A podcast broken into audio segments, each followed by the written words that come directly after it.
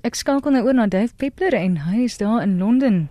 Dave, die eerste keer wat ek nou die geleentheid om met jou te praat.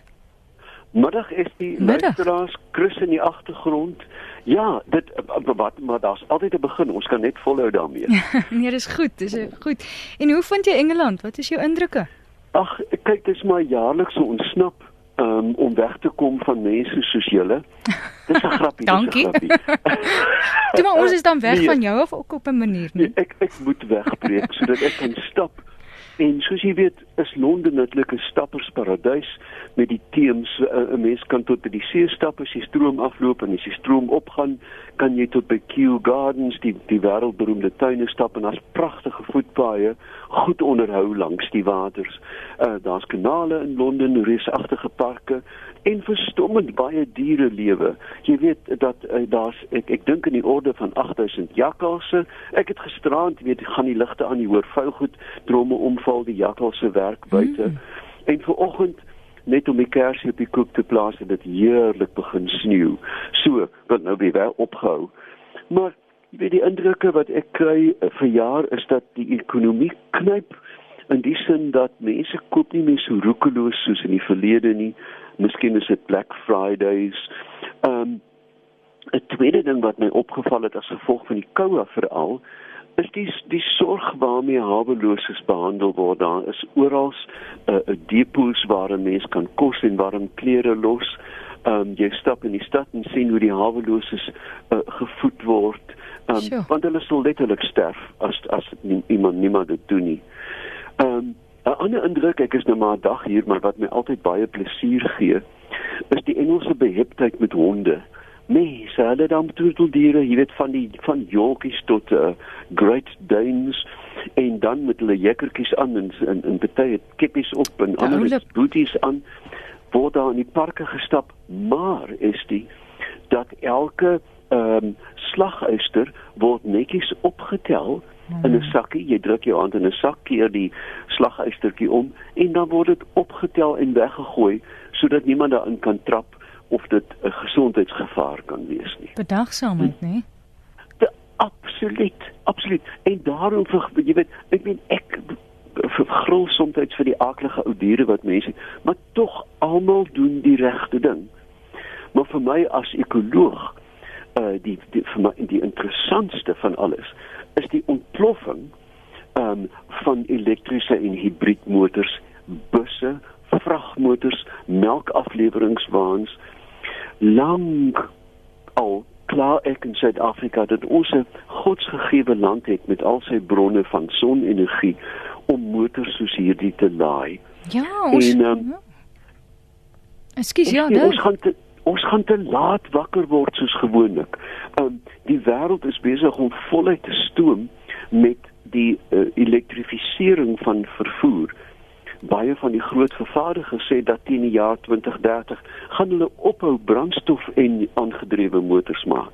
En hier sien jy oral gratis laaiplekke as jy in die hart van Londen met jou klein kewertjie uh stop wat net 'n battery het, word dit gratis gelaai. Alles om die druk af te neem teen lugbesoedeling van veral diesel engines en ek wens tog net so dat ons regering wil wakker word en en en kyk na wat aangaan in die res van die wêreld maar soos mense weet die goed lyk nie na luxe motors nie en hulle maak ook nie 'n gebrom nie um en soos altyd gaan ons te laat wakker word nou ek het uh, daar was mos op 'n stadium seker elektros uh, jy weet van daai motors hier by ons gewees en uh, Die probleem was dat jy hom nie kan laai nie. Daar's nie 'n laai plek gewees nie. So ons moet seker dink aan 'n ander oplossing. Oplossing is baie eenvoudig. Is die luister nou. Kyk, as jy binne 'n trefafstand van sien nou 100 km van jou werk af bly. Nou ja, dan moet jou baas, wie hy ook al mag wees, sê hier is 'n gratis laaipunt vir jou. As jy bedags parkeer by die werk, dan laai jy jou motortjie weer vol. Tweedens, die batterye is sulks dat jy um indien jy 'n vinnige laai wil hê, dis kom jy neem dit in die orde van 'n uur, maar 'n volle laai is natuurlik oornag. Hmm. Kan jy dink dat jy in elke elke dorpie of stopplek teen die N1, die N2, die N N7 han by elke dorpie 'n afdakkie het, né? Nee? met sonpanele en 'n vinnige laaipunt. Ag, nou kan jy ry tot jou jou jou krag opraak, stop by Kanaven, laai jou motortjie vol gaan drink 'n koffie, uh stap om die motor laat die hondjie teen die boom gaan staan en ry so verder. Want elektriese motors is 'n lewenstyl en 'n instelling. Niemand gaan skroue tyres om die blok jaag met die ding nie. Jy gaan nie vinnig wegtrek by 'n robot mm. nie. Dit deur die motor te besit, sê jy vir jou buurman en vir ander mense, ek gee om. Met die met die ontploffing aan hernubare eh, elektrisiteit soos windplase en sonplase in Suid-Afrika kort voor lank sê net maar jy gaan in die Oos-Kaap jou motor laai gaan jy 50% hernubaar laai né? En dan kan 'n mens met 'n ruim gemoed uh, jou motor gebruik. Hmm. nou daar's mense sê ja weet jy wat die battery kos en aan aan aan, aan swaar metale? Ja maar daar is vir al hierdie motors 'n herwinnings pad wat sê indien iets met hierdie battery neem ons hom terug en dit is hoe ons hom gaan behandel wat jy nie noodwendig met 'n binnebrand enjin het nie. So dis maar ons ingesteldheid wat moet verander. En jy moet 'n bietjie beplan dan sal jy betyds kom en hoef jy nie so toe te jaag. Net kyk uh, daar was jare gelede hierdie wonderbaarlike uh, eksperiment oor Oos en Wes Duitsland waar hulle twee kragtige motors geneem het en hulle het vir een man gesê bly by die spoedbeperking en vir die ander een gesê ry so hard as wat jy kan. Letterlik, druk ja. hom so hard as wat jy kan. Die verskil in die vaart oor Duitsland was in die orde van 20 of 30 minute. Dit was dit, né? Nee? Mm. Die een man het soos 'n soos 'n demoon gejaag, die ander een net sit en appels eet en vir sy kind 'n storie vertel. Ja. Ehm ja. um, so dit is 'n manier van van bestaan dit is 'n manier van indien jy supermark toe gaan om 'n blikkie af te haal en sê hierdie ehm um, tomatiesous kom uit Italië, maar daar's ook 'n blikkie van Wellington wat 'n sent duurder is. Kom ek koop die Wellington blikkie en spaar die aarde 'n groot koolstofvoetspoor. Weer eens ingesteldheid. Dave, so van die osse by jas toe ek sê ek gaan jou nou bel toe uh, stroom die vrae hier in vir jou. Ongenade. Ek hoop jy kan help.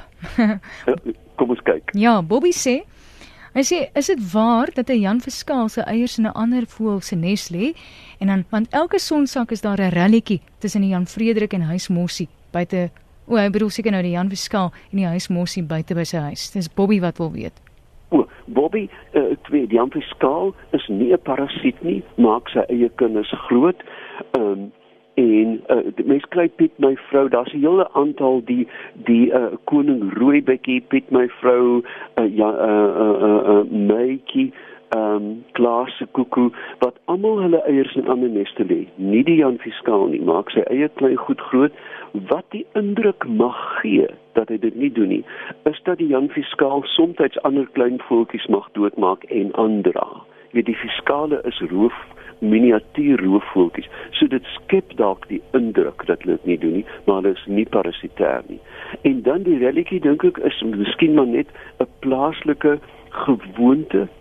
'n Mens is verbaas om te weet dat dieselfde spesies van voël, sê byvoorbeeld 'n duifie of 'n of 'n Jan Frederik, streeksgebonde verskillende maniere, verskillende liedjies en verskillende gewoontes mag hê. Um ek onthou toe ek in die dorp gebly het in Stellenbosch, was daar Jan Frederik wat 'n motoralarm piep piep nagemaak het elke oggend. Mense gedink o, jene daar gaan die buurman, maar nee, dit was 'n voeltjie.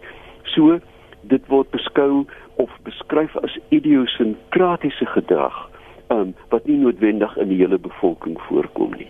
Dan het ek nog vir jou so 'n vraag van anoniem. Hulle sê, uh, "Vra asseblief Dave, wat bepaal die rigting waarin branders breek. Dit lyk of branderplankryers altyd van regs na links branders ry as jy na die TV-skerm kyk. Sou 'n môre daar gewees het, dan sou daar nou skielik 'n 'n klipharde klok gelei het want dit was nou vraag nommer 21 van alles wat ek nie weet nie. um, ek, nou kom ek kom ons probeer hierdie een. nee nee nee, wat kom net ek dat ek dit ek dink nie dit is noodwendig altyd nie, mm. maar daar's twee moontlike verklaringe en en hier gaan die fisiese dalk vir my nou hard lag. het dit te maak met die Coriolis effek, jy weet van die van die hoe badwater uittap in verskillende mense sou moet vergelyk van watter kan die branderbreek in die noordelike en suidelike halfrond, maar ek vermoed dit hoofsaaklik te doen met die struktuur, die argitektuur van die bodem van die oseaan. Sjoe, en dan het ek nog vir jou so laaste enetjie en is een wat Markie gestuur het. Sy sê liefdesappels wat in die Bybel genoem word, is dit nog vandag beskikbaar en lyk dit soos die appels wat ons ken? Die snaaks genoeg gister het ek in in 'n vriend gaan stap en van die min vrugte wat nog aan die bome bly sit in hierdie bitterkoue is die appels.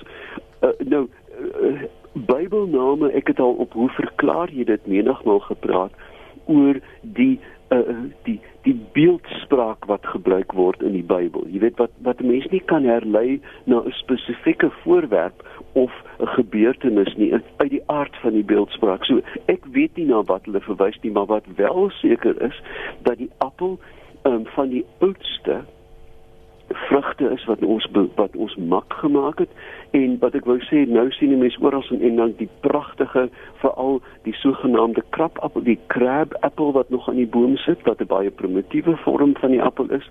En vreemd genoeg Engeland het die grootste verskeidenheid van appels in die wêreld met pippin en cox en cider apple en so aan. So ek kan nie direk antwoord nie. Ek kan wel sê dat ehm um, die kanse is baie goed dat die appel wat beskryf is nog in een of ander vorm kan bestaan en uh, mens kan net na die genetika vinnig kyk en dan kan mens dit herlei maar dit is baie moeilik om te bepaal spesifiek wat in die Bybel beskryf is. Sjoe, dit dit was nou baie interessant en heerlik om met jou te gesels. Hoe lyk dit weer in verkeer daar by jou? Want Lenet sit reg met ons hierdie kant. Nee, uh, kyk, ek sit nou maar redelik in die middestad. Die weer is koud. Uh vandag is 'n maksimum van 3, vanaand minus 1 of 2. Ehm um, maar hm. ehm um, verkeer ek kan bly maar baie konstant in die stede. Wat 'n mens wel vind, daar's groter druk verkeer op publieke verkeer soos die moltreine en die busse. Liewe hemel, jy weet nie waar jy is nie, dis so toegewasem, maar die die die die konstantheid van verkeer in baie groot stede bly baie egalig deur die jaar. 'n geseënde vakansie vir jou en ek hoop dit is 'n wonderlike 2018 duif. Dankie dat ons jou kon pla. Baie dankie vir die bel en insgelyk aan almal. Ek ons praat in die nuwe jaar, um, maar ek vra tog wees versigtig op ons paaie. Ons weet wat 'n bloedbad dit is en tweedens mag almal oor hierdie tyd vrede beleef. Dankie duif. Goed, Goed dan. Totsiens. Tot dan.